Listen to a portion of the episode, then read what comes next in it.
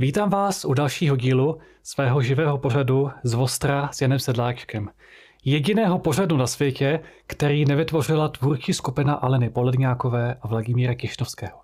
Dnešní pořad bude trochu jiný než ty předcházející, protože dáli pán Bůh a technika, tak v druhé polovině pořadu se k nám připojí jeden vzácný host, který něco řekne o tom hlavním tématu dnešního pořadu, kterým je tunelování českého národního bohatství. Eh, jako obvykle, pokud to sledujete živě, tak se můžete eh, zapojit, eh, napsat na YouTube nějaký, nějaký dotaz, nějakou připomínku. Pokud to bude smysluplné, tak, tak na to zareaguji. A pokud to sledujete i ať už živě nebo ze záznamu, tak eh, pozvěte eh, i své, i své příbuzné, své blízké, své přátelé, pošlete odkaz na toto vysílání co nejvíc lidem, ať máme co největší dosah, protože e, samozřejmě nejsme webshoprávní česká televize, aby nás automaticky sledovali tisíce lidí a ještě si to museli povinně platit. Jsme odkázáni na, e, na sledovanost od vás, lidí, kteří přemýšlejí vlastní hlavou. Jak už jsem zmínil, tak dnešní hlavní téma bude eh, tunelování českého národního bohatství, ale ještě předtím se jako obvykle prosvištíme nějaké aktuality, ale některé z těch aktualit tak se budou týkat i tohoto tématu, protože, jak se říká, všechno se vším souvisí. První aktualitou ze včerejška byl ten boj o ta takzvaná manželství pro všechny, už ten název je manipulativní, protože manželství pro všechny už tady dávno je. Každý dospělý svéprávný člověk může uzavřít manželství s každou dospělou svéprávnou osobou opačného pohlaví, protože od toho tady manželství je. To, co požadovala ta LGBT ideologie a co vnutila těm aktivistům, bylo to, aby i stejnopohlavní páry byly nazývané jako manželství, což považuji za naprosto zbytečné. A já si myslím, že stát by tyto páry ani neměl řešit. Ať se ty páry spolu žijou, ať se dělají, co chtějí ve svém soukromí, ale ať do toho nezatahují stát. A jedna taková perlička, krásně se odkopal vepřoprávní Český rozhlas. Český rozhlas sice není až tak často terčem kritiky jako Česká televize, nicméně i on dělá takovéhle kiksy. Tady vidíte článek z webu Českého rozhlasu, No a krásně tam vidíte jednu věc. E, tam vlastně proti sobě diskutovali ta iniciativa takzvaně jsme fair, která byla pro ta manželství těch párů a Aliance pro rodinu, která byla pro zachování stávajícího stavu. A podívejte se, jak český rozhlas je nazývá. Tím úplně ukázkově vnucuje, co si máme myslet. A já si myslím, že je to další z mnoha příkladů toho, jak český rozhlas zdaleka neplní svoji funkci vyváženého a objektivního média a že by se měly zrušit nejenom ty televizní, ale i ty rozhlasové poplatky, nebo spíše rozhlasová daň, protože to, až se to nazývá poplatky, tak je to v reálu majetková daň. A pokud by se ta daň měla platit podle toho, eh, jak kvalitně česká televize a český rozhlas vysílá, tak by naopak oni museli doplácet ještě nám. Další aktualitou, už teda z minulého týdne, byly ty protesty zemědělců Eh, sice to bylo o něco klidnější než v jiných městech, ale myslím si, že to mělo jeden nesporný úspěch. Teďka ani tak nemyslím to, že se podařilo eh, vůbec dostat do veřejné diskuze ten požadavek zemědělců na ukončení Green Dealu a celého toho klimatického šílenství, ale myslím tím hlavně to, jak se krásně odkopali někteří lidé. Ať už to byl česko-ukrajinský premiér Petro Fialenko, který když mluvil o panu Jandejskovi, tak se do toho zamotal takovým způsobem, že působil úplně jako Milouš Jakeš, když tehdy mluvil o Hance Zagorové, že je to milá holka, všechno, ale ona vám bere 600 tisíc každý rok. Ale nejenom Fiala, že se odkope Fiala, ten už se odkopal milionkrát, ale krásně se odkopal i člověk, kterého jsem dosud považoval za inteligentního. A to je Saša Vondra. jak asi jste sledovali, tak v televizi ukázal ten papír napsaný azbukou a přiznal, že vůbec neví, co tam je napsáno, ale že určitě je to nějaký dopis pana Jandejska na ruskou ambasádu, kde vyjadřuje svoji věrnost Rusku. To samozřejmě to byl naprostý podvrh. Eh, Saša Vondra se ukázal jako naprostý lhář a dezinformátor. A notabene je velmi zajímavé, že zrovna on obvinuje pana Jandejska ze spolupráce eh, s cizí mocností, eh, protože sám Saša Vondra je podle Wikileaks největší podržtaška USA naší politice. Nebo tak byl aspoň v roce 2009, když byl zveřejněn ten dokument, ale myslím si, že od té doby se to moc nezměnilo. A já tady mám na ní ještě jedno, jedno takové malé kompro. Já jsem našel tento arabsky psaný dopis, podepsán Saša Vondra. Já sice vůbec arabštinu neovládám, ale určitě je to přihláška Saši Vondry k islámskému státu. Takže tady vidíte nezvratný důkaz, že Saša Vondra je agentem islámského státu. Teď něco trošku smutnějšího. Jak možná víte, tak před asi dvěma lety Ukrajinci brutálně eh, napadli v Plzni u jednoho rybníka českého muže. Brutálně ho skopali, skončilo to zlámanými kostmi v obličeji, otřesem mozku. No a teď se to dostalo k soudu. Dopadlo to tak, že jeden z těch Ukrajinců byl úplně osvobozen a ti ostatní byli propuštěni na podmínku. Jako já si myslím, že je to naprosto otřesný důkaz ukrajinizace naší justice. Je to naprosto otřesná ukázka toho, že Ukrajinci tady jsou posuzováni, nebo jejich zločiny jsou to posuzovány daleko mírněji než zločiny českých lidí. A to je potřeba změnit. Je potřeba, aby v justici platila rovnost před zákonem, aby každý dostal za daný zločin stejný trest, ať už je to Čech nebo Ukrajinec. A hlavně, aby se tady přestalo obecně s tím upřednostňováním Ukrajinců nad našimi lidmi. A to ono se hodně mluví o té protiofenzivě těch Ukrajinců. Bohužel asi nejsmutnější část, nebo nejvýraznější část té protiofenzivy Ukrajinců nastala právě v Plzni. Tak a teď další informace, která je ovšem o něco veselější. V pekle teď mají velkou přijímací hostinu, protože nás opustil Jacob Rothschild. Tento... Eh, promiňte, já jsem tam dal špatnou fotku. Tohle, tohle je on, i když ono se to až za stolik neliší. Jacob Rothschild, nechvalně známý kmotr, mafián a zákuliský hráč, který tahá zanitky politiky v různých státech, konečně odešel do pekla a na jednu stranu se říká o mrtvých jenom dobře. Takže z toho textu, který to mám připravený, já vám to řeknu, ale pokud náhodou e, tam bude něco, e, co by ho jako ukazovalo v negativním světle, tak místo toho zakašlu. Takže e, Rothschild byl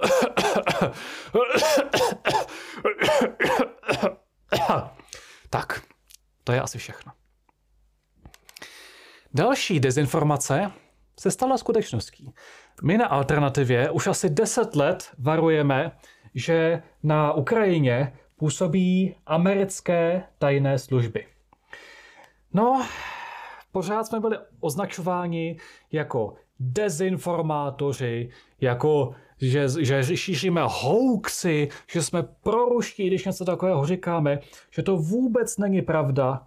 No, nakonec se ukázalo, že jsme celou tu dobu měli pravdu. E, teďka dokonce i mainstreamová média přiznávají, že CIA už deset let měla na Ukrajině e, své zastoupení a že tam de facto řídila ty protiruské základny, no tak jako je to další z mnoha a mnoha příkladů toho, že jsme my měli pravdu, že mainstreamová média celou tu dobu lhala, že ej, nás, nás sice označovala za nějaké ty dezinformátory, ale že největším dezinformátorem byla ta mainstreamová média. A opravdu nechápu, jak těmto médiím potom všem někdo ještě může vůbec věřit. No, nemohu nezmínit asi hlavní zprávu posledních týdnů, eh, smrt Alexeje Navalného v ruském vězení. Mně se teda na jednu stranu nelíbí, já teda nemám o Navalném moc valné mínění, on to asi moc čestný člověk nebyl. Na druhou stranu, i e, u takových lidí se mi nelíbí, když i takoví jsou v Rusku vězněni a je to jeden z důvodů, proč si o Rusku nedělám úplně iluze. Na druhou stranu, daleko víc než to, co se stalo na Volnému, mi vadí to pokrytectví a ten dvojí metr západních médií, kdy všichni mají plná ústa na Volného, ale to, že před několika týdny na Ukrajině zemřel americko-čilský novinář Gonzalo Lira, který upozorňoval na e, všechny ty zločiny a tu korupci, co je na Ukrajině, a za to byl nejprve uvězněn a potom velmi pravděpodobně umučen ve vězení, tak to nikoho nezajímá. A notabene, když e, ve Velké Británii je stále zadržován Julian Assange, který se provinil v úvozovkách jenom tím, že upozorňoval na nepravosti, které ve světě prováděly Spojené státy a dodnes i po asi deseti letech je za to ve vazbě a bohužel mu teď hrozí převoz do tvrdých podmínek amerického vězení, eh, kteréžto podmínky by pravděpodobně nepřežil a skončil by jako Gonzalo Lira. Když všichni upozorňují na toho Navalného, proč všichni nemají úplně stejně plná ústa toho Assange a Gonzala Liry. Eh, mimochodem, eh, tělo Gonzala Liry si převzala jeho matka. Eh, tělo, teda Gonzala Liry, Alexeje Navalného si převzala jeho matka. Tělo jeho manželky Julie Navalné si už převzal její milenec. Mimochodem, Julia Navalná je nejskromnější upír na světě, protože z jedné jediné mrtvoly bude žít celý zbytek svého života. Česká policie se opět předvedla. Na veřejnost unikl eh, v podstatě plán práce krajského ředitelství eh, v policie v Jihomoravském kraji a když, když jsem si to přečetl, nestačil jsem se divit. Jako jednu z priorit tam uvádějí opatření v souvislosti s projevy skupin s odlišnými ideovými postoji. No přeloženo do srozumitelného jazyka, pokud máte nějaký odlišný ideový postoj než strana a vláda, tak se velice snadno můžete dostat do hledáčku policie. Ono mimochodem, ono to běží už teď. Už teď policie sleduje lidi, kteří mají odlišné názory. Ale tím, že to policie takto přiznává, tak to znamená, že to nabírá větší a větší obrátky. A já si myslím, že je to další z mnoha důkazů toho, že policie pod vedením Rakušana vůbec neplní svou práci. Nejen, že naprosto selhává v boji proti zločinu, ale navíc je zneužívána k boji proti opozičním názorům. A vzhledem k tomu, že ryba takzvaně smrtí od hlavy, tak je to další z mnoha důkazů toho, že Rakušan není kompetentním ministrem a nejen to, že Rakušan podle mého názoru je dokonce zločincem, který zneužívá policii eh, k dosažení svých soukromých ideových cílů, zneužívá policii k boji proti opozici a že by měl okamžitě odstoupit a ideálně nejenom on sám, ale i s celou tou fialovou piky mafií.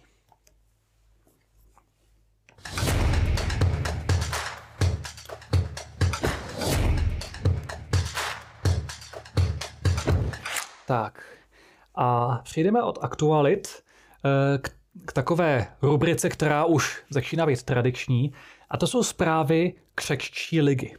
Pro ty z vás, kdo sledují pořád z Vostra prvně, tak křekčí liga to je združení křečků, ale i dalších zvířat, ale i lidí, eh, kteří jsou naštvaní na Evropskou unii a jsou naštvaní na to, co EU předvádí křečtí liga vznikala v reakci na to, kdy loni na podzim se provalilo, že v EU běží naprosto vážně míněný návrh na zákaz chovu běžných domácích zvířat, včetně křečků. A právě v této rubrice Uh, budu já a křečci budeme upozorňovat na různé šílenosti, které se na nás valí eh, z Evropské unie a které mají potenciál se dotýkat nás všech. Já trochu netradičně začnu jedním takovým historickým hlasováním, které je rok staré, ale já když jsem se probíral těmi starými hlasováními, tak jsem si řekl, že je to natolik důležité a bohužel to natolik zapadlo a neví se o tom, že je potřeba to neustále zdůrazňovat a připomínat. Loni v lednu běželo v Europarlamentu hlasování, zdánlivě neškodné, eh, které mělo za cíl um, vlastně odsoudit nějaké potyčky v brazilském parlamentu. Jenomže když jsem si přečetl eh, všechny ty body, které byly schvalované v tom usnesení, tak jsem se nestačil divit. Protože jedním z těch bodů bylo, že Evropský parlament zdůrazňuje důležitost takových směrnic, jako je Digital Services Act, které regulují sociální média, aby efektivně e, předcházely šíření e, takzvaného hate speech, to znamená nenávistných projevů a dezinformací, a aby předcházely další radikalizaci. No, přeloženo z bruselského newspeaku do češtiny, to znamená, že e, všichni ti europoslanci, kteří pro tohle zvedli ruku, tak vyjadřují podporu cenzuře a jsou pro stále větší a větší cenzuru internetu, cenzuru všech těch opozičních názorů, které jsou nálepkovány jako dezinformace nebo ten takzvaný hate speech. A výslovně je tam zmiňován i ten Digital Services Act, který působí jako vysloveně uh, cenzurní nástroj, který diktuje sociálním sítím, aby mazali všechen obsah, který se nelíbí uh, tomu vedení Evropské unie. Takže do tohoto zdánlivě neškodného hlasování byl přilepen tento bod. A každý europoslanec, který hlasoval pro toto usnesení, včetně tohoto bodu, tak buď si to nepřečetl, tím pádem je zcela nekompetentní, a nebo je pro cenzuru. A teď se dobře podívejte, kdo jak tehdy hlasoval. Zarážející je, že jediní, kdo byli proti, je Saša Vondra, který sice občas hlasuje rozumně, ale jak už jsem říkal před chvílí, tak se zase odkopal teď u těch protestů zemědělců. A druhý, kdo hlasoval proti, byl generál Hinek Blaško. Jinak všichni ostatní se buď zdrželi, nebo hlasovali pro. Konkrétně pro tuto cenzuru hlasovali Piráti, jak jinak, TOP 09, překvapivě Jan Zahradil, kterého považuji jinak za rozumného člověka, ale tady hlasoval pro cenzuru, paní Konečná z KSČM a e, tři dámy, které jsou teď nezávislé, ale byly zvolené za hnutí ANO. Tito všichni hlasovali pro cenzuru. Opakuju, jediný generál Blaško a Saša Vondra hlasovali proti tomuto návrhu na zesílení cenzury. A je důležité si takových věcí všímat, protože to, co je politik, doopravdy zač, eh, o tom nerozhodují jeho slova, ale jeho činy a to, jak hlasuje. To je to nejdůležitější. A když už jsme u toho, tak jsem si tady vytáhnul 15 let staré hlasování o jednom velmi důležitém dokumentu jménem Lisabonská dohoda. Asi nemusím připomínat, eh, mimochodem v jednom z dílů z Vostra jsem mluvil více o Evropské unii a Lisabonské dohodě, tak si to tam můžete najít. A tady jsem si vytáhnul, eh, jak v poslanecké sněmovně hlasovali kteří poslanci.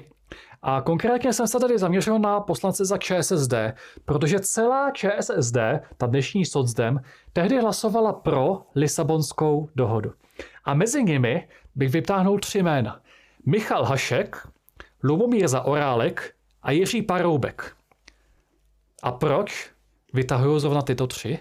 No protože tito tři se chtějí znovu vrátit do politiky. Tito tři znovu usilují o volené funkce, někteří z nich asi už i teď v eurovolbách. A proto znova říkám, všímejte si toho, jak politici hlasují a jak hlasovali v minulosti, protože to určuje, jaký jsou doopravdy. A každý, kdo hlasoval pro Lisabonskou dohodu, která velmi zhoršila naše postavení v EU, tak každý, kdo pro ně hlasoval, je podle mě zcela nevolitelný. Teď něco k aktuálnějším šílenostem z Evropské unie. Konečně eh, je naděje, že bychom si mohli tady vyrábět více penicilínu. Rozjíždí se výrobní linka a stát, ku podivu i fialová vláda, už byla dotlačena k tomu, aby to začala podporovat. Jenomže ouha, Evropská unie do toho hodila vidle, že pokud chceme takovýto projekt podporovat, takže a pokud chceme, aby to běželo na území naší republiky, tak nejprve nám to musí schválit Evropská unie. No pro boha, kde tu žijeme? Tady je nedostatek léků. My tady máme už možnost konečně si ty léky a konkrétně ten penicilin vyrábět. A musíme se složitě doprošovat Evropské unie, jestli vůbec nám to milostivě dovolí. No jako podle mě to je další z mnoha argumentů pro Kšexit. Protože tady Brusel už vysloveně hazarduje s našimi životy a s naším zdravím. A ono je to takové trošku, kdyby to nebylo vážné, tak by to byl až takový cimrmanovský humor. S kým jeho vtipy, jak na slepé koleji stojí prázdný vagón, jenomže ono to bohužel není vtip, ona je to smutná realita a dokud budeme součástí EU, tak taková realita bohužel tady bude každodenní praxí. A další věc. Už jsem se o tom zmiňoval, ale teďka to bylo potvrzené. Evropská unie oficiálně schválila zřízení tzv. nástroje pro Ukrajinu. E, pod tímto názvem se skrývá to, že Brusel chce poslat 50 miliard euro, samozřejmě z našich daní, na Ukrajinu. Do té bezadné černé díry jménem Ukrajina. Tady se můžete podívat, tady bych chtěl poděkovat iniciativě Europarlament přehledně, která dělá tyto skvělé grafiky. A tady vidíte, kdo všechno hlasoval pro, no s výjimkou Ivana Davida, e, generála Blaška a paní Konečné, tak všichni ostatní hlasovali pro. Dokonce i europoslanci, europoslanci za ANO, přičemž ANO se snaží tvářit jako nějaká opozice, že jde proti Fialovo vládě. No jo, ale v takovýchto důležitých hlasováních se hnutí ANO stává šestou stranou vládní pěti koalice. Takže pokud chcete volit hnutí ANO, tak tady vidíte, že to nemá smysl, že hnutí ANO možná v nějakých detailech je menší zlo oproti současné vládě, ale v důležitých věcech zradí. Teď právě hnutí ANO odsouhlasilo, že další peníze z vašich daní půjdou na Ukrajinu. A praxe ukazuje, jak to s těmi penězi na Ukrajinu vypadá.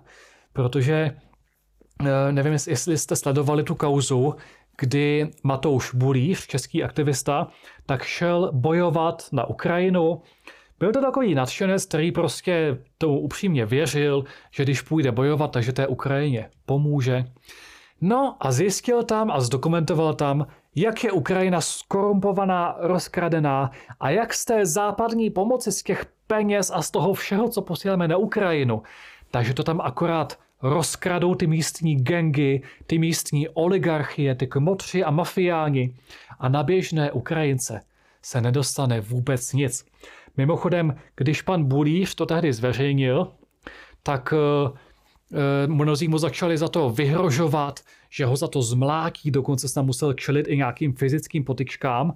A mimochodem europoslanec Dechovský toto násilí tehdy ještě schvaloval, takže další ukázka toho, jak tady platí dvojí metr, že pokud schvalujete eh, to správné násilí, tak se vám nic nestane, ale pokud se jen trochu kriticky vyjádříte k migrantům, nebo k Ukrajincům, nebo ke komukoliv jinému, tak už vám za to hrozí, že vám za to přiší nějaké ty, nějaké ty paragrafy. No, je prostě vidět, že tady e, nefunguje uh, rovný přístup ke všem, že tady platí dvojí metr.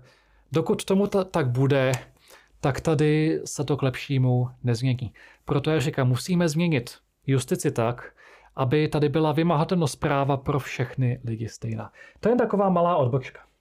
Zpátky k tomu, co chystá Brusel.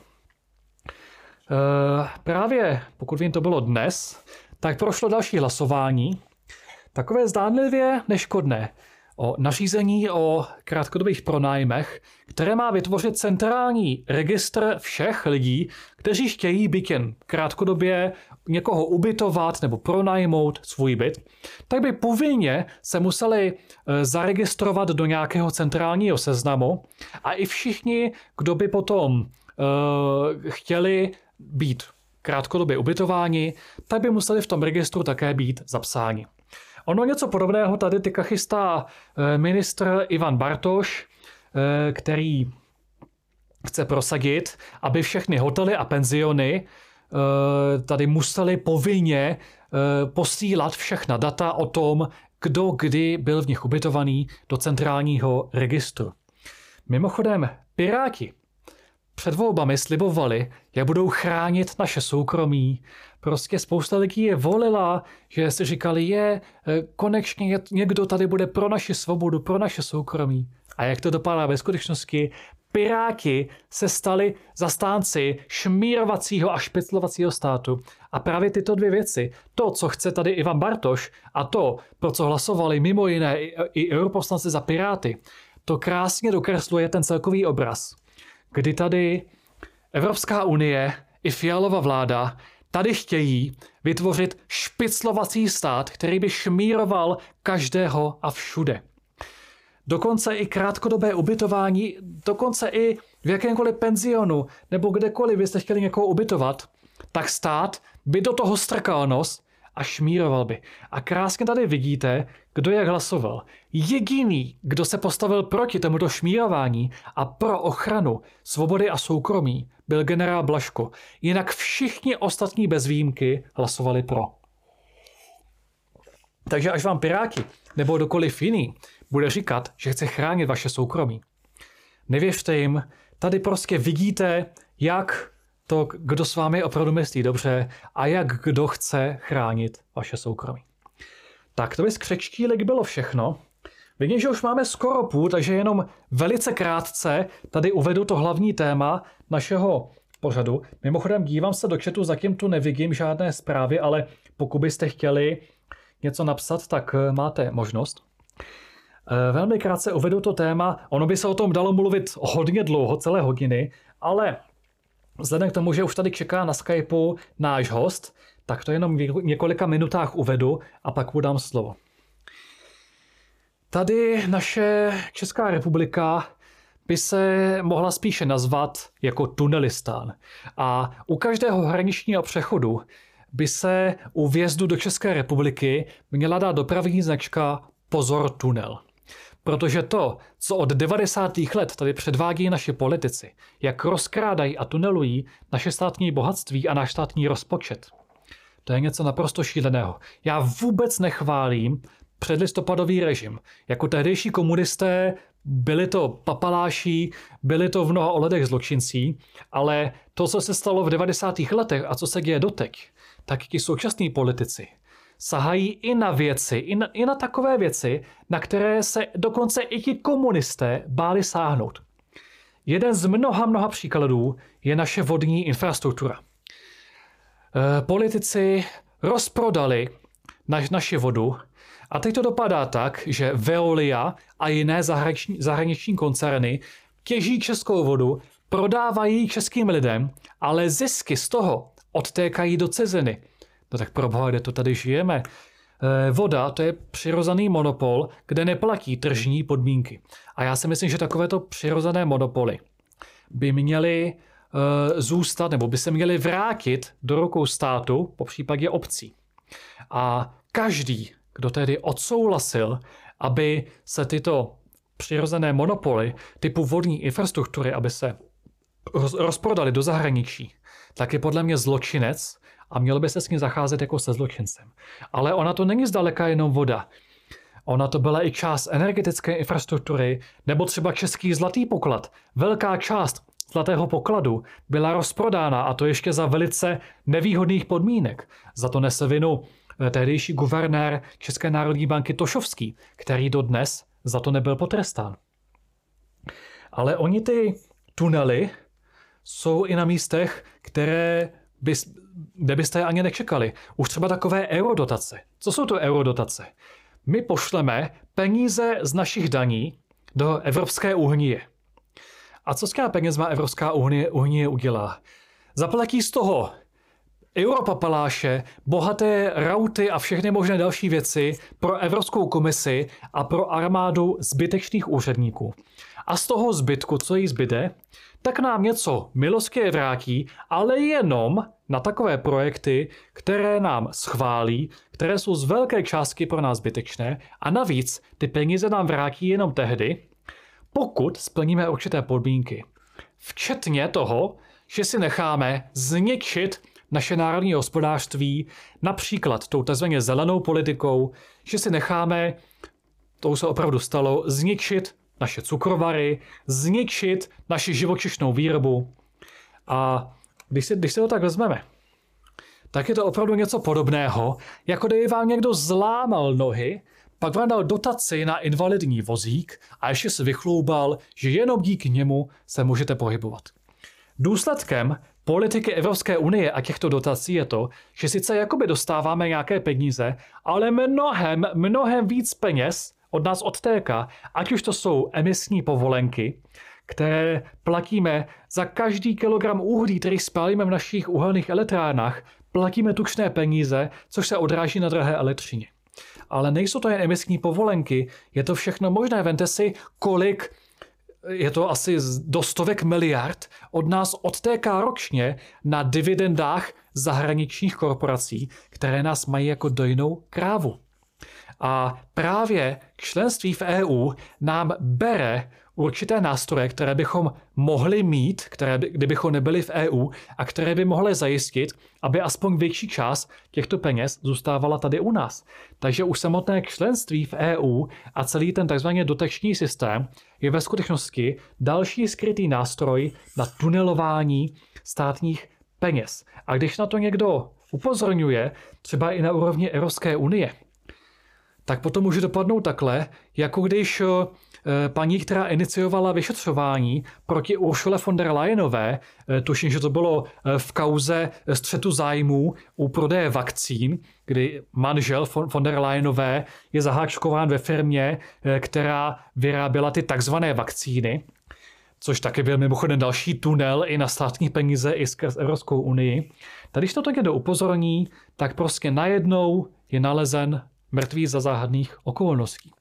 Je prostě vidět, že ti, že ti kmotři a mafiáni, kteří e, nás tady okrádají, tak se snaží, e, aby z toho jednak vyšli bez trestu a jednak, aby, e, aby mohli v tom rozkrádání pokračovat.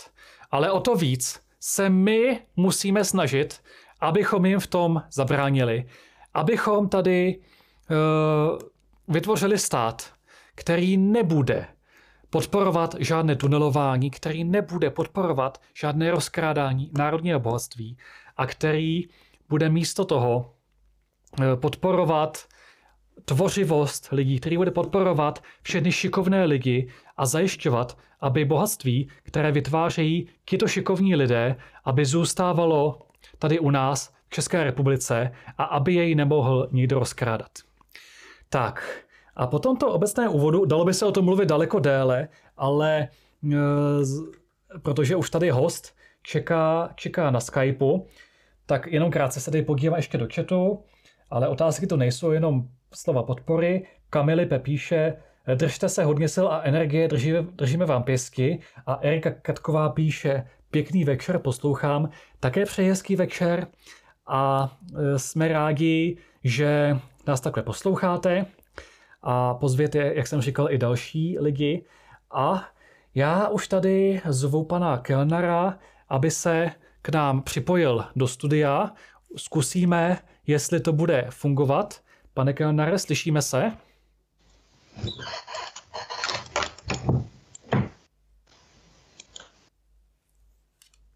Halo, slyšíme se? Momentík, teď slyšíme? Ano, už se slyšíme. se? Já ano. vás vítám v živém vysílání. Ano, já a... zdravím všechny posluchače a přejím hezký večer. I když si možná ten večer pokazím, až si vyslechnou tenhle ten příběh, který jsem zažil, kde jsem já osobně byl teda přítomen při téhleté, při téhleté skandální kauze. Takže Ono to sice nebude moc veselé povídání, ale ono je potřeba, i když ta pravda je občas trochu smutná, tak je potřeba tu pravdu vidět bez příkras, vidět skutečnost, jaká doopravdy je, protože to je první krok k tomu, abychom to změnili. Tak nejprve, eh, pane Kelnare, jestli můžete říct pár slov o vás, kdo vlastně jste a kde působíte? No já, Já jsem začal někdy v 90. rocích pracovat na Škoda Exportu, což byla organizace zahraničního obchodu. To znamená, to byl, řekněme, takový ten pozůstatek socialismu, že se vývozy, vývozy do zahraničí se realizovaly prostřednictvím těchto těch organizací zahraničního obchodu, což byly naprosto, řekl bych, profesionální, profesionální firmy, kde se zkušenosti předávaly z generace na generaci a, a prostě e, těch úspěšných vývozů investičních celků do světa byla spousty, že jo, cukrovary, elektrárny, pivovary a chemické fabriky, jo. Takže ono to za socialismu fungovalo tohleto, že jo, pak se to překlenulo, nevím, jestli to můžu nazvat kapitalismu, tuhletu, tuhletu periodu, mm, co tu teď je, no a pak jeden eh, nebo dva naši eh,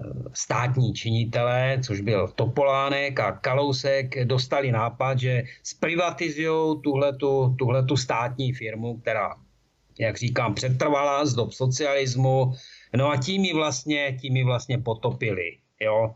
Eh, to byl jeden tunel ohromný, že jo, to tady teď rozvíjet nechci, ale, ale tím vlastně skončil Škoda Export a řekněme si, že skončil vývoz elektráren eh, v této zemi. Tak na téhle organizaci já jsem pracoval, eh, bych řekl možná trošku neskromně, že jsem se naučil vyvážet elektrárny, eh, pak jsem ještě pracoval v Turecku jako zástupce Czech Tradu, to znamená, že hledal jsem pro české eh, společnosti, zákazníky na tureckém trhu, takže tam jsem strávil pět let. No, Celkově v Turecku při stavbě elektráren a na Czech Tradu jsem byl zaměstnaný 18 let, jsem si teda odsloužil, odsloužil jak bych řekl, natvrdo, natvrdo v Turecku. No hmm. tak eh, pak jsem si říkal, dobře, začala, začala tam jedna soukromá firma Vítkovice Power Engineering, eh, podepsala tam kontrakt na výstavbu elektrárny, adulária, uhelné elektrárny doplním, tak si říkám, tak si ještě zakončím ten svůj život, tu svou kariéru životní, že si ještě na závěr udělám jednu elektrárnu hezkou, že jo, a pak už půjdu jenom s těma důchodcema na ty lavičky si povídat o tom, co jsme kde jako úspěšně No a ono to dopadlo, ten můj zámysl, že tedy to bude taková pohodová elektrárna na závěr mé pracovní kariéry, tak ono se to obrátilo, jak se říká v noční můru, tenhle ten projekt prováděný teda soukromou firmou. A já znovu říkám, protože jsem zažil, zažil jsem socialismus, eh, části svého života, že tohle to by za socialismu nebylo možné. Jo? Aby se takhle s dovolením zprasil projekt, od kterého se uteče. Prostě ten projekt se nedělal. Ten, když se postavila elektrárna, pustila se do provozu, tak se zjistilo, že prostě ta elektrárna dobře nefunguje. Že tam má zásadní problémy, zásadní technické problémy. No a český stát místo, aby řešil, že jo, aby poslal lidi, odborníky a tu elektrárnu uved do provozu, tak to prostě od toho utek. Jo. Říkám znovu, za socialismu by se tohle nestalo. To by volal tajemník tajemníkovi a, a strana by v tom fungovala, ale ta elektrárna by se dodělala a když už by tedy nefungovala, tak by se opravila prostě a předala se zákazníkovi, protože za to socialismu se hledělo na to, aby ta prestiž té republiky v zahraničí eh, nebyla nějakým způsobem poškozená.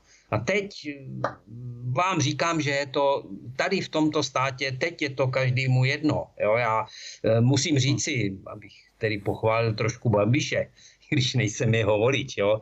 tak já jsem napsal panu Babišovi v době, kdy byl ještě mm, tímhletím mm, předsedou vlády a on mě pozval k sobě, jo? že by si o tom projektu se mnou rád povykládal.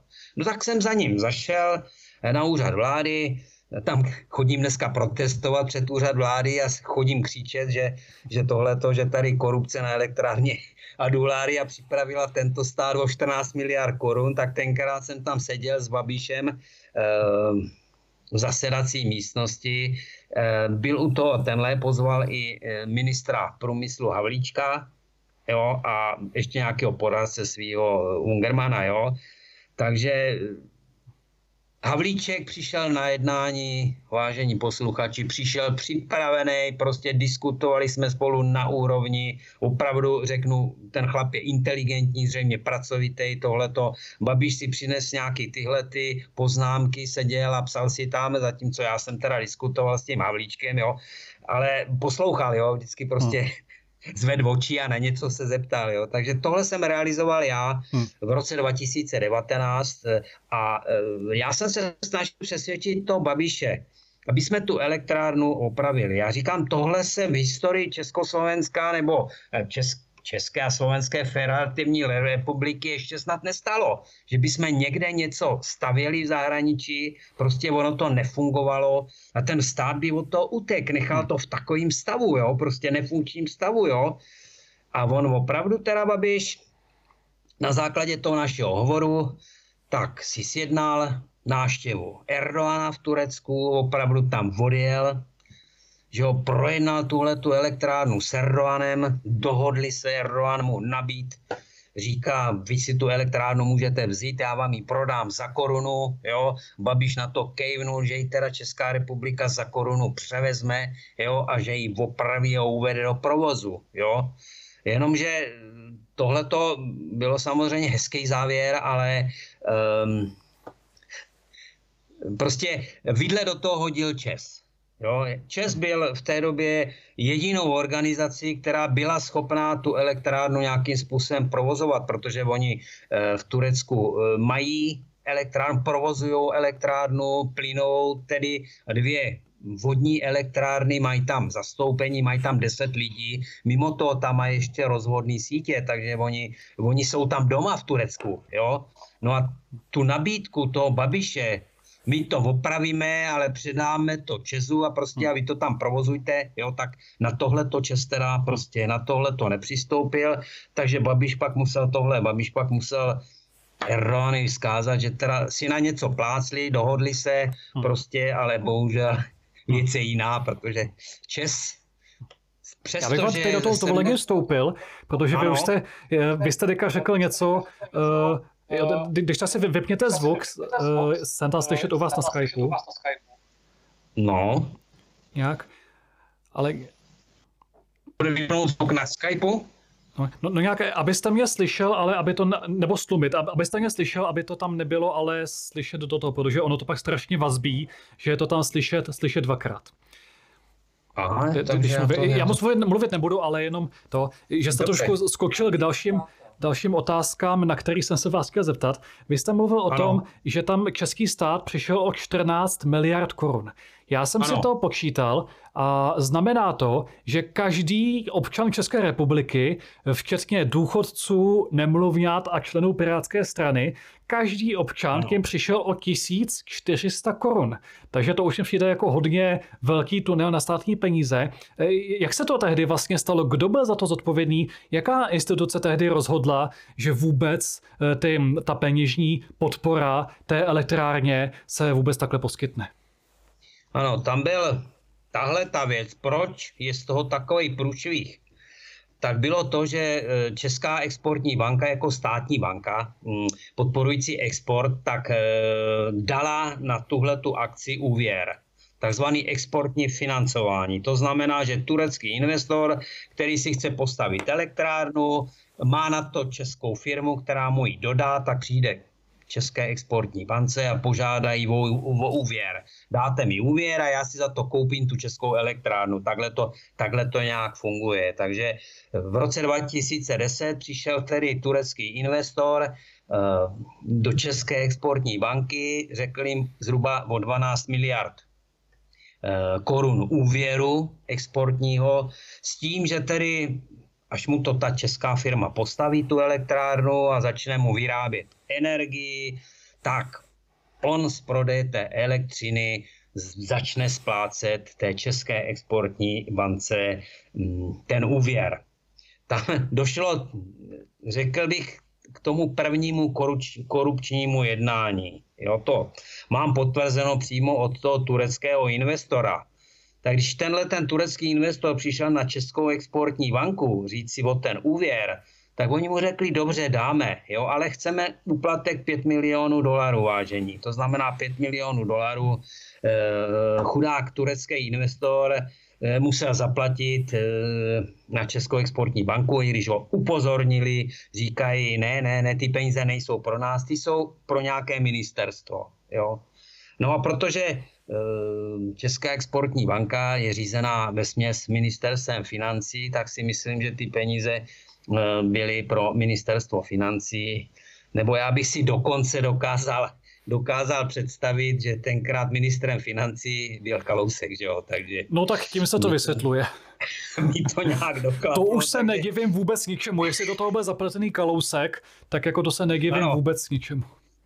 Ano, no tak takhle, takhle to začalo, jo, takhle začal ten nešťastný, nešťastný projekt, kdy ten chudák turecký investor tady musel zaplatit 5, milion, 5, 5 milionů, 5 milionů dolarů úplatek a pak když mu ta česká firma postavila tu elektrárnu, tak ona mu ještě nefungovala, že jo, no tak to už je opravdu asi na to i říznou žílí. No, tak to byl ten první, to byl ten první moment, eh, kdy se ta korupce rozjela. Nebyl to poslední ten případ, eh, případ eh, korupce na tomhle případu. Druhý to byla ta nejzásadnější věc, tím se vlastně dostal ten projekt tím se prostě zabil. Jo? Když se ve Vítkovicích vybírala firma, která dodá kotle na elektrárnu, no tak se Eh, já jsem o tom přesvědčený, že zatím byly úplatky, tak se vybrala rakouská firma, tenkrát to byl Austrian Energy, se vybrala skoro se s ní podepsal kontrakt a ta firma vám zkrachovala, že jo? Vy připravíte kontrakt s touto firmou a ta firma vám najednou oznámí, pánové a dámy, my jsme zkrachovali, jo? Tak to je snad první e, signál toho, že eh, od takové firmy utíkám. Ale ono ne. Ona si Vítkovice počkali, až tuhle tu zkrachovalou firmu koupí jiná rakouská firma Andrejc a ten připravený kontrakt s něma podepsali. No jenomže eh, ten tým těch projektantů, těch kotlů pro tu elektrárnu, tam zůstal ten samý. Jo? Tam dokonce ehm, ta firma původní, která měla licenci na tenhle, tenhle ten typ kotlu, se jmenovala takzvaný Wagner Bureau. Ta zkrachovala někdy na přelomu roku 2000. Jo?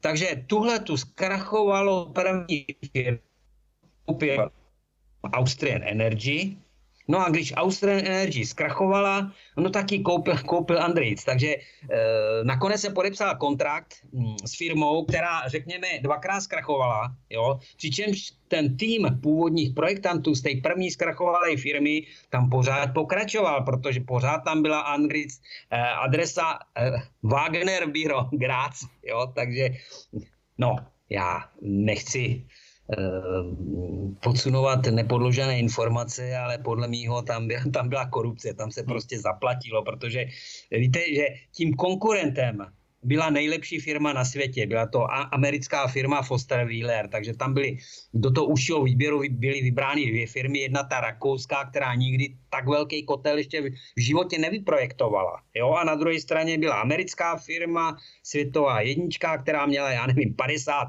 referencí dobrých že jo, po světě. Jo? Nabídla dokonce levnější cenu.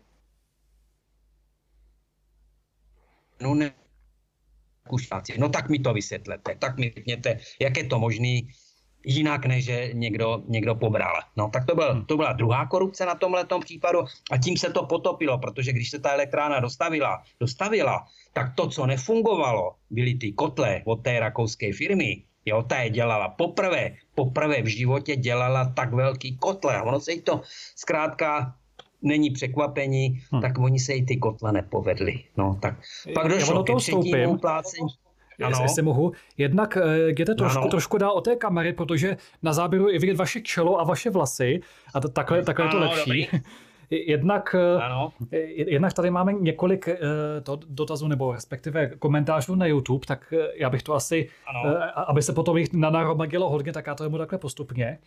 Eh, kdy ano. Eh, Nataša eh, Švankmajerová píše, jak jste mluvil ano. o tom Babišovi Havlíčkovi, Volbou ano se nic nezmění, jsou pro americké a pro bruselské také důležité při volbách přemýšlet, komu dá důvěru A Pedro Herrero píše přesně, Babiš není žádná alternativa, jeho biznis je založený na EU dotacích a chtít povinný očkování. Tady, když jste říkal, že pan Havlíček je inteligentní, no rozhodně je mnohem inteligentnější než, než Stanjura nebo Fiala a v některých ano. věcech, jako je třeba eh, právě tohleto, eh, co jste říkal vy, tak tam se třeba i zajímají o, problém, o problémy lidí, ale na druhou stranu pořád Babiše drží za koule z Bruselu skrz ty dotace, takže jako i když Babiš ano. to, v tomhle je trochu menší zlo, tak tak ideální taky není. A ano, mě by jenom zajímalo, ano, jak jste mluvil o tom, že ta Česká exportní banka poskytla ten uh, mnohamiliardový úvěr, Zeptal se možná trochu naivně, ale eh, to si eh, to vlastně nepožadovala žádné záruky, protože pokud soukromá banka má třeba nějaké firmě poskytnout nějaký podnikatelský úvěr, tak si vždycky ano. Eh, jakoby musí získat nějaké záruky, že prostě, že, že to nevezní do ztracena a že ta firma no. to bude schopná splácet. Proč Česká exportní banka tyhle ty záruky nevymáhala? Ano. Eh, tak eh, pravda je to, že ten úvěr byl zaručen. Ta, ten turecký investor byl vlastníkem uh, firmy, která vyráběla plastikové folie. A odhadní, odhadní cena, řekněme, té firmy byla zhruba ve výši toho úvěru. Jo? Takže ten úvěr, který poskytla Česká exportní banka, byl jištěný dalším majetkem tenkrát toho tureckého holdingu. Jo? Zhruba v ceně o něco vyšší, než, byla, než, byl, než byl ten úvěr. Jenže já se pak o tom ještě zmíním na konci. Jo? Hmm. To bylo, když už se ten případ uzavíral a když se prodávala takzvaná pohledávka, eh, té pohledávka té České exportní banky vůči tomu tureckému investorovi. Já bych ještě dodal, já jsem řekl, že já nejsem teda příznivce volič Babiše, jo, ale hmm. já kdykoliv jsem napsal Schillerovej, tak mi odpověděl někdo. Jo, někdo jménem Schillerové mi odpověděl. Kdykoliv jsem napsal Havlíčkovi, a já jsem mu napsal asi pět dopisů, jo, tak vždycky mě někdo odpověděl. Když se vyměnila vláda, nastoupila tam tahle ta pěti demolice, napsal jsem, dvakrát jsem napsal Fialovi. Odpověď nula. Jo. Dvakrát jsem napsal Stanjurovi. Odpověď nula. Dvakrát jsem, třikrát jsem napsal Sikelovi, odpověď nula. Jo? Hmm. Tahle ta vláda prostě vůči mě ukázala, no, vůči nám, českým daňovým poplatníkům, ukázala toliko, je 14 miliard korun ztracených, jo, že jim nestojí za to, ne aby psali dopis, oni to nepíšou, že jo, oni to tam někomu dají daj napsat, jo. Přitom potom Stanjurovi jsem chtěl jen jedinou jednoduchou věc. Pane Stanjuro, dejte mi jednoho auditora, já si s ním na hodinu sednu a já mu vysvětlím, co se tady stalo. A začneme od toho, když přišel turecký investor si na Českou exportní banku půjčit ty peníze, prostě jak mu tam řekli od těch pět, od těch pěti, pět milionů eh, dolarů. No tak chtěl jsem auditora, o kterém jsem si myslel, že ho za tu hodinu třeba přesvědčím, že mám pravdu, jo, tak eh, prostě nedostal jsem je, jo, ne, neodpovídají. No tak eh, eh, říkám, když srovnám teda ty Babišovi ministry, tak ty mi odpovídali, pak nastoupila tahle vláda a ta prostě mi neodpovídá. No tak já dneska ve svém zoufalství chodím kolem úřadu vlády, chodím kolem ministerstva financí, s transparentem tato vláda kryje korupci za 14 miliard korun a křičím, Stanjurovi pod oknem.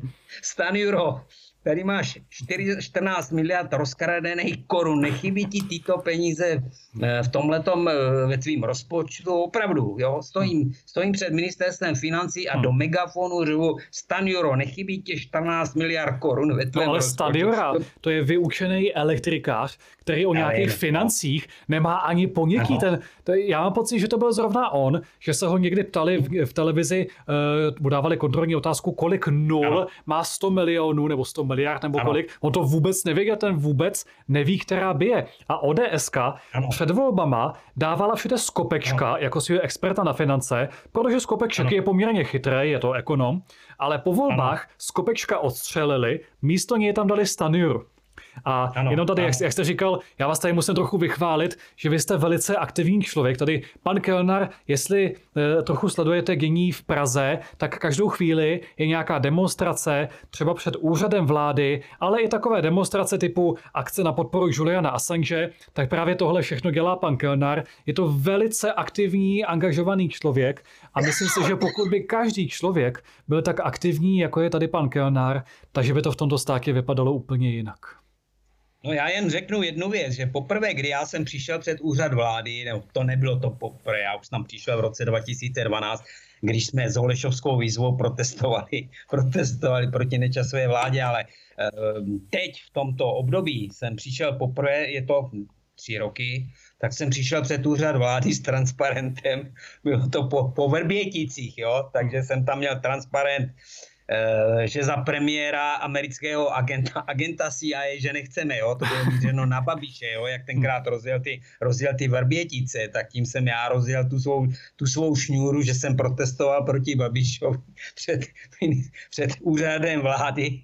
No a pak jsem pokračoval už s touhletou, s touhletou korupční, korupční kauzou eh, Adulária. No tak eh, to jsem jenom teda vložil do toho, že opravdu mm, ta jeho vláda, eh, Babišová, byla přece jenom nějakým způsobem profesionální. Tohle to hmm. je opravdu, to je k zaplakání, jako jo, tahle ta, hmm. tahle ta vláda. No. Ale abych pokročil v tomhletom, v tomhletom případu, takže řekl jsem, že tam byly dvě korupční, dva korupční momenty, pak došlo k třetímu, když se ukázalo, že ta elektrárna nefunguje, že jo, správně, no tak ta rakouská firma podle osvědčeného principu vyběhla, našla lidi, že jo, tady, eh, já myslím, že byli hodně vysoko v politice, eh, kterým zaplatila prostě a udělalo se to nakonec tak, že eh, se to svedlo všechno jako na nás, nebo těch 14 miliard, korun dopadlo na českého daňového poplatníka. Jo? I když, když se zjistilo, že ty kotle dobře nepracují, jo, tak byl ještě pořád rok času mm, takzvané garanční doby. Jo? To znamená, že bylo možno reklamovat e, ty vadné kotle u tohoto, u, u jeho dodavatele, což byla ta rakouská firma Andrejc. Stačilo napsat jednoduchý dopis, že jo? Nepracuje, e, nepracuje správně, tak jak by mělo podle kontraktu, tak reklamujeme, opravte. Že jo? A tohle to rok, rok na to měl, rok na to měla tahle ta firma, ten generální dodavatel Vítkovice, prostě a rok nenapsala tenhle ten jednoduchý reklamační dopis, kdyby ho hm. bývali napsali, že jo, se to posunulo už někam jinam, tak už se můžete domáhat opravy nebo kompenzací finančních. Ne, nechali, nechali tuhle tu firmu projít prostě těma garancema rok. Rok hmm. nechali, prostě čekali, až tato firma, až jí prošla tahle ta záruční doba, prostě a věc se zavřela, že jo, případ se zavřel, no. Takže to je opravdu skandální eh, si uvědomit, jo, že my jsme zaplatili čeští daňoví poplatníci jsme zaplatili 14 miliard korun za vadný projekt rakouské firmy Andritz, kdy rok bylo na to, aby se věc reklamovala, aby se věc nějakým způsobem vyřídila s tou rakouskou firmou, že jo, a že jak jinak si vysvětlit, že někdo neseta, nereklamoval mm, ty vadný kotle, než že za to vzal prachy. No přece na to ne, nepotřebuji mít žádného fištrona, že jo? Každý víme, že když si doneseme domů eh, vadnou eh, pračku, která nám nefunguje automatickou, tak každý z nás přece ví, že, že, že se vrátím do toho obchodu, kde jsem ji koupil a hodím ji na hlavu a říkám, tak koukejte to rychle opravit prostě a tohle to, že jo? A najednou tady kšef za 14 miliard. Korun, jo, prostě a najednou, najednou ředitelé a vedení prostě neví, co se v této situaci má dělat. Jo? Tak proti tomu já vlastně bojuju, protože ten můj, já jsem na to samozřejmě pak podal trestní oznámení, já jsem celý ten případ zmapoval jo, na 400 stránkách a podal jsem na to trestní oznámení, kde jsem přímo jmenoval ty lidi, který já podezřívám z toho, že prostě tohleto, že mohli vzít úplatek za to, že prostě nechali projít tu záruční dobu firmy Andritz, prostě vypustili ze zodpovědnosti a nechali přenést tuto škodu na bedra českého daňového poplatníka. No to je, to je, to je skandální, to je prostě to, to je vrcholně skandální, že že těm ostatním to, jako bych řekl, nevadilo, že, jo? že já jsem zůstal, byl jsem a zůstal jsem jeden jediný, který, který teda nějakým způsobem bojuje s tímhle státem. Eh, napsal jsem si transparent, prostě chodím po Praze a vyřvávám tady prostě korupce, kterou kryje tahle ta vláda za 14 miliard korun. Že jo? Já jsem byl dokonce, eh, dokonce s transparentem v Brně před nejvyšším, nejvyšším státním zastupitelství. Jo. Stál jsem tam asi dvě hodiny, dvě hodiny s tím, že žádám o to, aby odblokovali vyšetřování tohoto případu, protože eh, madam Bradáčová prostě zablokoval vyšetřování tohoto případu, přestože jsem na to podal tři trestní oznámení, tak se nic nevyšetřovalo, nezvali se mi svědci, že jo, prostě zametlo se to vážení prostě drze pod koberec. Hmm. A já napsal tolik dopisů, na prezidenta Zemana jsem psal, že psal jsem na ministry, na, na předsedy vlády, dva předsedy vlády, Babiše a pak, pak teda Fialu, jo. E, chodím s transparentem kolem poslanecké sněmovny, psal jsem poslancům, psal jsem poslaneckým klubům, psal jsem e, na protikorupční nadace, jo. Já jsem má všechny protikorupční nadace v Česku prostě a, a útočil jsem na ně, říkám pro boha, tak mi s tím pomožte, to je korupční, korupční kauza, kde pak neuspěl jsem ani u jedné téhle korupční nadace, takže to je, to je všechno podvod, jo, ty korupční, antikorupční nadace, to je podvod, jo, takže e, podařilo se mi tenhle případ dostat do televize, je to rok, 27. března jsem konečně přes, řekl bych, několik stížností do české televize, tak jsem dosáhl toho, že tenhle ten skandální případ nakonec eh, byl na to udělaný pořad jo, do televize. Eh, říkám, 27.3. reportéři ČT to bylo, jak jsem to tam protlačil, napsal jsem jednomu redaktorovi, do toho ČT reportéři neodpověděl. Napsal jsem druhému redaktorovi, zas neodpověděl. Napsal jsem jejich šéfovi, což byl Marek Volner tenkrát, jo, ten neodpověděl, jo. No tak jsem napsal do rady, rady pro rozhlasová televizní vysílání, prostě dopis, že tak skandální případ tady v historii České ještě nebyl, že, že prostě nejsem schopný eh, dostat nějakou eh, odpověď z reportéří ČT, kam bych rád teda ten pořád dostal, nebo něco takového, jo. No a překvapivě tedy, oni mi odpověděli z té rady pro rozhlasové a televizní vysílání, eh, mi odpověděli, ten můj případ byl projednáván za přítomnosti generálního ředitele ČT Dvořáka. No tak. Ten daný den přišel, že jo, 10 hodin ráno a najednou ťuk a já měl e-mail od Volnera, že už na to jmenoval člověka a už se pořád dělat bude, jo, takže tohle to zabralo, jo, tohle to, tohle to, tahle ta stížnost, která jako zabrala, tak na to udělali hmm. pořád, jo, takže 27.3. reportéři ČT, ale oni tam neřešili tu nejpodstatnější. Oni se vyhnuli řešení té nejpodstatnější věci. Jo. Vyhnuli se tomu v tom pořadu říct, kdo je vinej za to, že tenhle ten případ skolaboval, že, to te, že je to ta rakouská firma. Jo? Tak tomu se tedy vehementně snažili vyhnout, aby, aby se tohoto, ta rakouská firma Andritz tam v podstatě vůbec ani nepadlo, to její jméno. Jo? Takže tohle byl jeden takový úspěch, ale říkám, jinak jsem, jinak jsem tedy uspěl u poslance Volného, jo? pokud si pamatujete na poslance Volného, tak ten zareagoval, že jo, ten to interpeloval takzvaně v parlamentu, jo,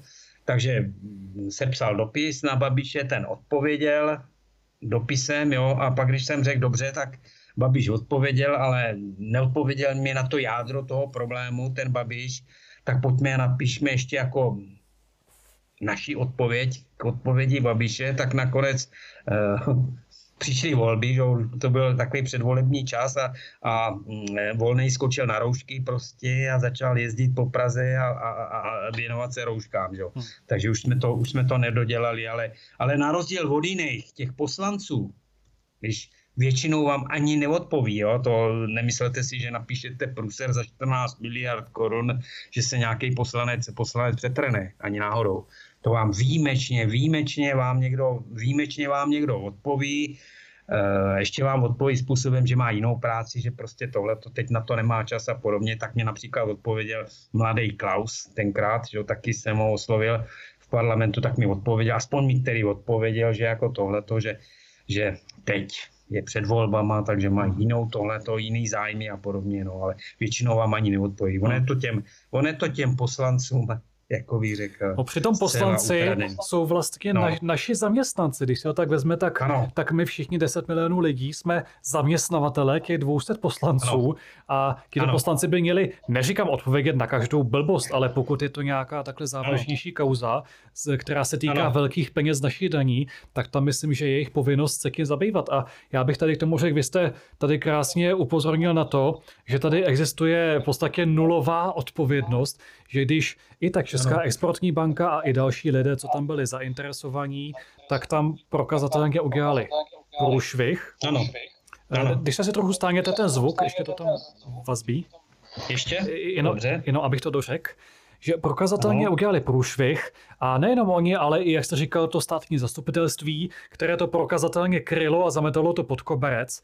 A proto já prosazuju takový ten přístup, kdy by každý, kdo je v politice nebo ve státním zastupitelství, měl hmotnou trestní odpovědnost a pokud by udělal takovýto průšvih, tak by za to ručil vlastním majetkem.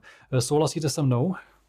Ano, samozřejmě. Ano, to plně souhlasím, prostě, ale eh, jak jsem ten, já jsem měl se možnost podívat, teda řekl bych, na střeva tohoto trestně právního systému eh, v České republice, protože policie, že jo, ti to vyšetřovali, eh, vrchní státní zastupitelství to dohlíželo, že jo, já mám šanon, desítky a desítky dopisů, komunikace s policií, se státním zastupitelstvím, vrchním a nejvyšším státním zastupitelstvím a podobně, ale eh, v podstatě nikam to nevedlo. Já, eh, já už jsem potom v závěru, kdy už jsem komunikoval se Střížem a prostě tamhle s tím letím, s nejvyšším státním zastupitelstvím, já jsem říkal, podívejte, já už vám nebudu vysvětlovat, kde byl ten problém, že jo? já už to zhrnu jen na jeden jediný problém. Před, pě- před, před pěti roky jsem požádal vyšetřovatele, ať zavolá mýho klíčového svědka k výslechu. Jo. Za pět let já jsem nebyl schopný donutit vyšetřovatele, aby zavolal mýho klíčového svědka k výslechu. Jo. A to jsem, říkám, to jsem nejdřív jsem si stěhoval na policii, pak na vrchní státní zastupitel, pak na nejvyšší státní zastupitel. Já jsem neuspěl, opravdu. Já jsem nebyl schopný aby zavolal mýho svědka k výslechu. No, hmm. tak, tak pak mi řekněte, jak to teda tohle to funguje, jako jo, jak, a nemáte, tam nemáte už nikam, nemáte odvolání, jo. Hmm. Odvolání jediný proti uh, tomu, když se policie, když se vyšetřovatel domluví s dozorujícím státním zástupcem a kryje to tamhle Bradáčová, tak jediný, kdo tohle to může zlomit, jo, je opravdu jenom ten parlament, jo, kde je Eh, kde jsou ty komise, ty výbory. Jo? To znamená, když najdete správný výbor jo, a hmm. adresujete to tam, popíšete situaci a sejde se tam pár lidí, kteří tu věc chtějí řešit, tak to jsou jediný orgány, který eh, opravdu donutí, mají sílu donutit tu policii a donutit to státní zastupitelství, aby ten případ začali vyšetřovat, aby tomu dali to, co, to, co je potřeba. Jo? Ale když narazíte jo, na tyhle ty výbory, parlamentní výbory, jo, kde se hlasuje stranicky, že jo, tam dneska v těch výborech má převahu ta pěti koalice, jo, která nic nechce řešit, že jo, tak prostě, když ti vám do toho hodí vidle, jo, tak prostě opravdu není šance a můžete psát komu chcete prostě a ničeho, ničeho se nedopracujete. No. Ještě ten závěr asi, eh, závěr tohoto je, že já, jak jsem byl takhle otravný, já jsem byl i tohle jsem si vzpomněl, byl jsem i, i na tohle to, jeden den jsem se sebral a šel jsem na nejvyšší kontrolní úřad. Přišla paní, tak jsem mi to tam vysvětlil, říkám, prosím vás, pošlete do té České exportní banky nějakou kontrolu. Že jo? On tam mají ten případ, jakým způsobem se schvalovalo v tom roce 2010, se schvaloval tenhle ten projekt, protože ten projekt byl rizikový od samého začátku, že jo? jakým způsobem se to tam schvalovalo za těch 5, 5 milionů dolarů. Jo? Ona mi říká, no, víte, já samozřejmě vím, že vy máte právo teda přijít s nějakou iniciativou, jo, s tím, že máte právo říct, ano, mně se nelíbí tamhle a tohle na té organizaci, ale e, my jsme v podstatě orgán e, parlamentu. Jo? To znamená, my jsme tu, aby jsme pracovali na základě zakázky parlamentu. Jo? To znamená, když nám nějaká parlamentní komise řekne, běžte tam a proveďte kontrolu tam a tam, tak my běžíme. Jo? A když hmm. přijdete vy, no tak my, my vás vyslechneme, no někde si to napíšeme, že jste tady byl, že máte nějaký teda takový připomínky, že se na České exportní bance schvalovali projekty, které teda byly rizikové a pravděpodobně se tam brali uplatky, no ale jako eh, až někdy budeme mít čas, no tak si to možná dáme do toho programu, jo, tak takhle mi vysvětli, mě vysvětlili, že ani tam neuspějete, jo, na nejvyšším kontrolním úřadu, no tak... Hmm. Tak, tak jsem o důvod taky... víc chodit k volbám, hmm. hlavně k těm sněmovním a prostě zvolit ano. tam takové politiky a takové strany, kteří se, kteří se skutečně budou zabývat skutečně problémy a pokud přijde no. takovýhle tunel na státní peníze, tak to nebudou no. krýt a dávat kledu, ale naopak budou dělat vše pro to, aby se to vyšetřilo. No, ještě jsem chtěl, než zapomenu, jo, tak dneska kolem tohoto projektu vyšel článek. Eh, v tomhle v ekonomický, ekonomický deník, to znamená, hm. když si dáte do vyhledávače ekonomický deník, tak vám prostě tam okamžitě naběhne ekonomický deník, jo, je to tam možná pátý, šestý článek, už od rána to tam byl první, jo, teď je to pátý, šestý, takže když dáte energetiku, tak ho tam ještě najdete, je tam fotka elektrárny a ten, ten eh, článek se jmenuje Sfušovaná elektrárna Adulária, kterou postavili Češi v Turecku, je v provozu, tedy tak trochu v provozu, jo, hmm. tak tím se říká, že pracuje asi tak na polovině výkonu, nebo ze dvou bloků pracuje dneska jenom jeden a na polovinu výkon, výkonu. On už to totiž koupil, koupila turecká firma, takže náš stát nakonec byl majitelem tedy řekněme pohledávky, té zajištěné pohledávky hmm. e, za ten úvěr, která byla garantovaná Eh, tureckou firmou Naxan Plastik, že jo, která měla hodnotu asi 600 milionů euro, což by bývalo stačilo na pokrytí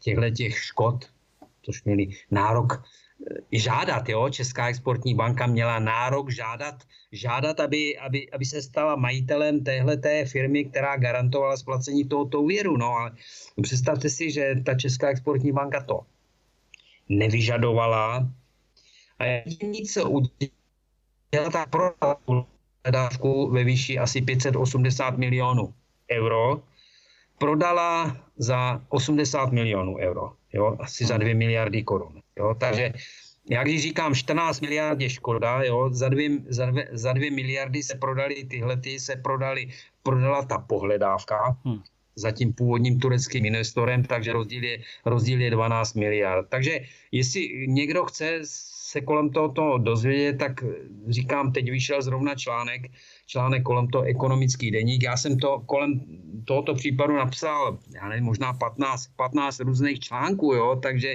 dvakrát jsem s tím byl, dvakrát jsem s tím byl v tomhletom, um, jak se to jmenuje, No svobodný vysílač, hmm. dvakrát jsme měli hodinový pořad na svobodným vysílači. No udělal jsem, udělal jsem, co jsem mohl, aby hmm. prostě ti občané, čeští občané prostě se s tím seznámili s tím letím hmm. průšvím, jak to u nás tohle to funguje. No. Ono to nakonec došlo tak, jak já, když jsem byl takhle otravný, jo, a furt jsem někde psal a furt jsem se dožadoval něčeho, chodil jsem a křičel jsem do megafonu, jo, tak oni hmm. nakonec na, proti mě na vrchním státním zastupitelství vykonstruovali obvinění moje, jo. To znamená, já jsem dneska, já jsem dneska vyšetřovaný policií, opravdu vážení, já, já, který jsem nedokázal, já nevím, za 6-7 let dostat e, svého svědka, jo, e, k výslechu, jo, tak já jsem dneska vyslíchaný, jo, policií, hmm. jako de, za dezinformaci. No takže co je tady za spravedlnost,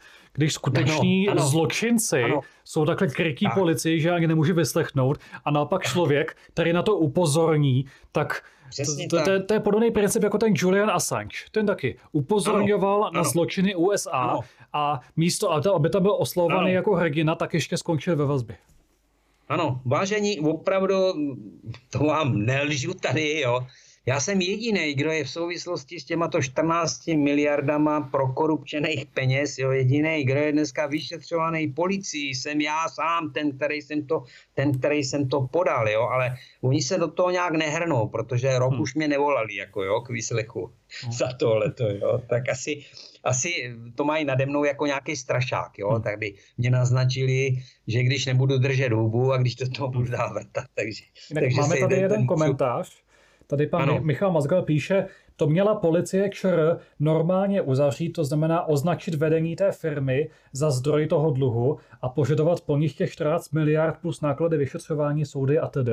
To je přesně jak jsem no. mluvil. Kdyby tady byla osobní trestná zodpov- trestní zodpovědnost za to, co, ten, eh, co, co ta odpovědná osoba udělá, tak by no. samozřejmě eh, těch 14 miliard museli zaplatit oni, respektive by se to ani nestalo, no. protože kdyby předem věděli, že budou mít tu zodpovědnost, tak by do toho ani nešli. No. Jenomže protože tady ta zodpovědnost není a může se to volně krást a tunelovat, tak se tady právě, právě tohle to děje. No.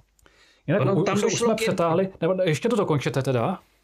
No, tam došlo k jedné věci. Ta firma, ten generální dodavatel, když se, když se začali kupit ty problémy, tak oni na sebe vyhlásili, vyhlásili bankrot, jo, takže hmm. eh, pak už si nebylo na, kom, nebylo na kom co vzít, jo. To jediný, ta škoda, ta vychází z toho, jediná škoda, ta vychází z toho teda státního úvěru, ze kterého se nesplatil, nesplatil ani, ani euro z hmm. tohoto, jo, z tohoto tenkrát uplacenýho, hmm. uplacenýho úvěru za dob Kalouska. Hmm. No. No tady vidíme prostě, jak to dopadá, když jednak není ta odpovědnost a jednak, když se lidi málo zajímají, protože takových aktivních lidí, jako jste vy, pane Kellnere, je strašně málo. Strašně málo lidí na, na tohle se vůbec zajímá o ty kauzy a upozorňuje na ně. A protože no. jenom takhle málo lidí na to upozorňuje, tak si politici myslí, že jsou beztrestní. No my se přetáhli už o 17 minut, já jsem vás nechal mluvit, protože je to velice zajímavé no. téma. Doufám, že i naši diváci to uznali jako, jako velmi zajímavé, zajímavé téma. A jsem velice rád, že, že jste tady o tom, o tom promluvil, protože myslím si, že většina posluchačů a diváků o tom ještě nevěděla, tak se o tom takhle dozvěděli. Tak jestli chcete říct na závěr posledních několik vět? No, na závěr můžu říct, že pokud si do vyhledávače, do vyhledávače dáte, já nevím, Miroslav Kelnar, eh, elektrárna Adulária, tak eh, narazíte eh, na moje články, že jo, a tam se hm. to dočtete, jakým způsobem, jakým způsobem to bylo všechno jak bych řekl, zameteno pod koberec tenhle ten skandální případ, jak to probíhalo a tohle to najdete tam možná pod mým jménem, ano, pod mým jménem. Já tam mám i další kauzy, jiný kauzy, ale tohleto, hmm. tohleto elektrárna Aduláry. A teď jsem věnoval nejvíc času a nejvíc těch článků se napsal kolem tohoto skandálního případu, ale jak říkám, nikam jsem to nedotáhl, prostě je to pod, pod kobercem zameteno a hmm a musel by se stát zázrak, zázrak, aby, aby tohleto, aby se hmm. tahle ta věc otevřela, začalo se to znovu vyšetřovat, ale já, já jsem psal na všechny ty státní zastupitelství, vrchní i to nejvyšší. Já říkám, prosím hmm. vás, vy tady Babiše honíte kvůli 50 milionům korun, jo, který on nakonec splatil a vy tady ho honíte několik let po vyšetřování, jo. Tady máte kauzu za 14 miliard korun, jo. A já nejsem schopný donutit, donutit tohoto vyšetřovatel, aby zavolal mi svědky. Hmm. No kde to žijeme, jo? Tohle já jsem vyloženě napsal. Srovnal jsem tedy Babiše prostě a srovnal jsem tenhle ten případ, jo? Tak to je opravdu, bych řekl, eh, pro zasmání nebo něco hmm. takového, tyhle, ty, tyhle ty dvě kauzy. Jo. Ono no, je to sice trochu k smíchu, ale zároveň i k pláči, protože samozřejmě no, jsme to odnesli my všichni jako daňoví poplatníci. Já vám moc děkuji jednak za, ne, za dnešní vstup, za to, že jste nám o tom takhle řekl, ale i vůbec za to, co všechno děláte, za to, že jste na to upozornil. Sice jste jako nedosáhl nějaké nápravy, ale dosáhl jste aspoň toho, že se o tom spousta lidí dozvěděla a prostě máte svědomí čisté, udělal jste, co jste mohl a určitě pokračujte Pokračujte v tom rozkrývání těch kaus, těch tunelů. Je potřeba, aby takový lidé tady byli. Takže.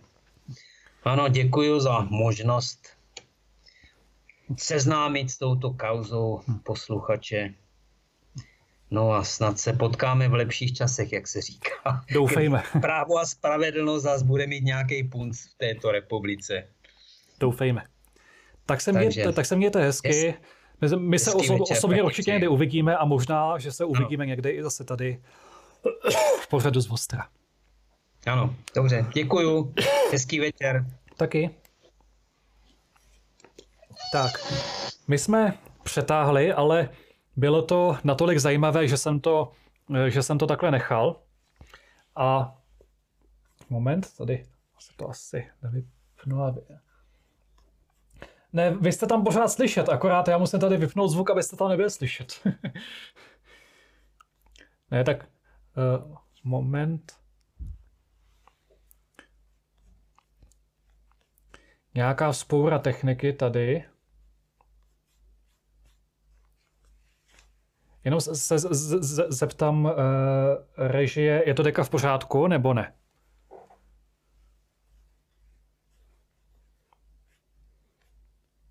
Nevím, jestli se to vypnulo správně, já teďka slyším svůj hlas. No, snad jo, protože já teďka slyším svůj hlas ve sluchátkách, to je takový divný, ale prostě ta technika tady občas trochu to zlobí, tak snad to neslyšíte nějak dvakrát. No, přetáhli jsme, ale myslím si, že eh, tohleto téma bylo natolik zajímavé, že si to zasloužilo, eh, takovéto přetáhnutí. Já jenom velmi krátce tady odpovím, nebo zareaguju na ty hm, další připomínky. Paul Karalík píše, prodat eurodluhopisy v České bance za 2 biliony kč, nakoupit za to zlato za cirka 900 tun, asi to je, co by to asi udělalo s korunou. Jan Zoubek upře, upřesňuje, to nejsou dluhopisy, ale devizové rezervy. Nevím, v tomhle tom se až tolik, tolik nevyznám, takže takže to nechám tady víceméně, víceméně bez komentáře, ale jenom u toho zlata, kdy, kdy Česká národní banka prodala tehdy v podstatě velmi pod cenou, nevím už kolik tun českého zlata z našeho zlatého pokladu a potom v době, kdy ta cena byla nejvyšší, tak místo toho nakoupila zase nějaké zlato za xkrát vyšší cenu, tak jako to je taky docela, docela zajímavé. Vlastimil Jaroš píše, Bureš je šesté kolo pěky demolice. No přesně, ono, Babiš, v některých oblastech je to menší zlo než pěti koalice, ale v důležitých hlasováních typu, eh, dneska jsme to ukazovali v tom hlasování v Europarlamentu, takové věci typu peníze pro Ukrajinu, tak tam Babišovi lidé vždycky hlasují pro. Petr 7 píše, dobrý večer všem. Chci se zeptat, jak 20 českých poslanců v EU parlamentu ovlivní dalších cirka 600 vylízených bláznů. Petr Hán. No tak ono v některých hlasováních, tak tam ti vylízaní blázni jasně převažují, ale byla určitá hlasování, myslím, že to například bylo to zrušení práva VETA, kdy tam to prošlo jenom velmi těsně, jenom o několik málo hlasů. A já si myslím, že teď v eurovolbách opravdu půjde o každý hlas. Protože na jednu stranu Eh, europoslanci neudělají nějakou zásadní reformu EU.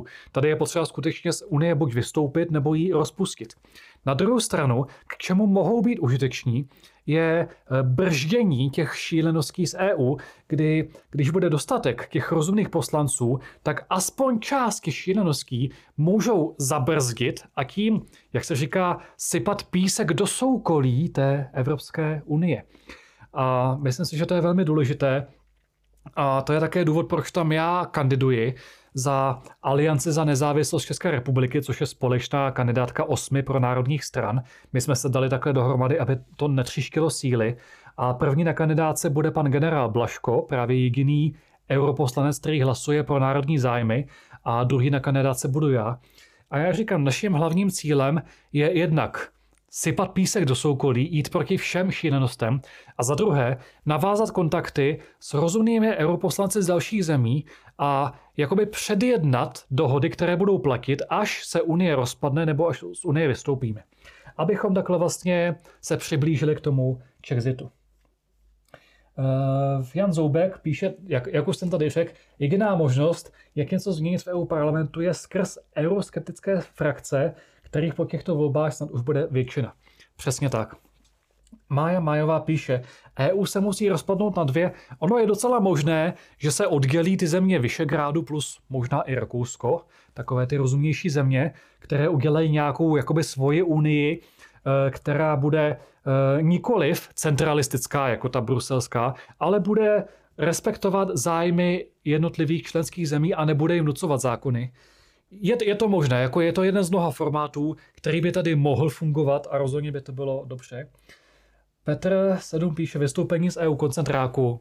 Naprosto souhlasím, neřekl bych to lépe. Prostě jediná možnost je z Unie buď vystoupit, nebo zajistit, aby se rozpadla. Prostě jinak to nepůjde. A nějaká slova o měkké reformě EU, to, to, je, to jsou sice hezká slova, ale bohužel Evropská unie je tak prolezlá tím šílenstvím, že už to možné není. Tak já děkuji vám všem, kdo jste vydrželi. O 25 minut jsme přetáhli tu naši obvyklou hodinu, tak doufám, že jste neusnuli, že vás eh, nenudil ani pan Kelnár, ani já. A jenom tady nakonec, ne, že bych si chtěl dělat reklamu, ale eh, v časopise Radix eh, vyšel můj článek, nový díl časopisu Radix je zaměřen na téma klima švindl a je tam můj poměrně obsáhlý článek, kde objasňuje, jak ta klimatická politika škodí přírodě. Ten článek má příznačný název Green Deal, katastrofa pro naši krajinu.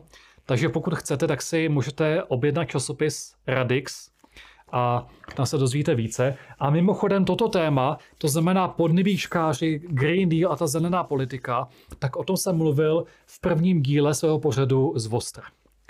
Já ještě jednou děkuji vám všem, kdo jste vydrželi až do konce a budu se s vámi těšit zase příští týden u dalšího dílu svého živého pořadu z Vostra s Janem Sedláčkem.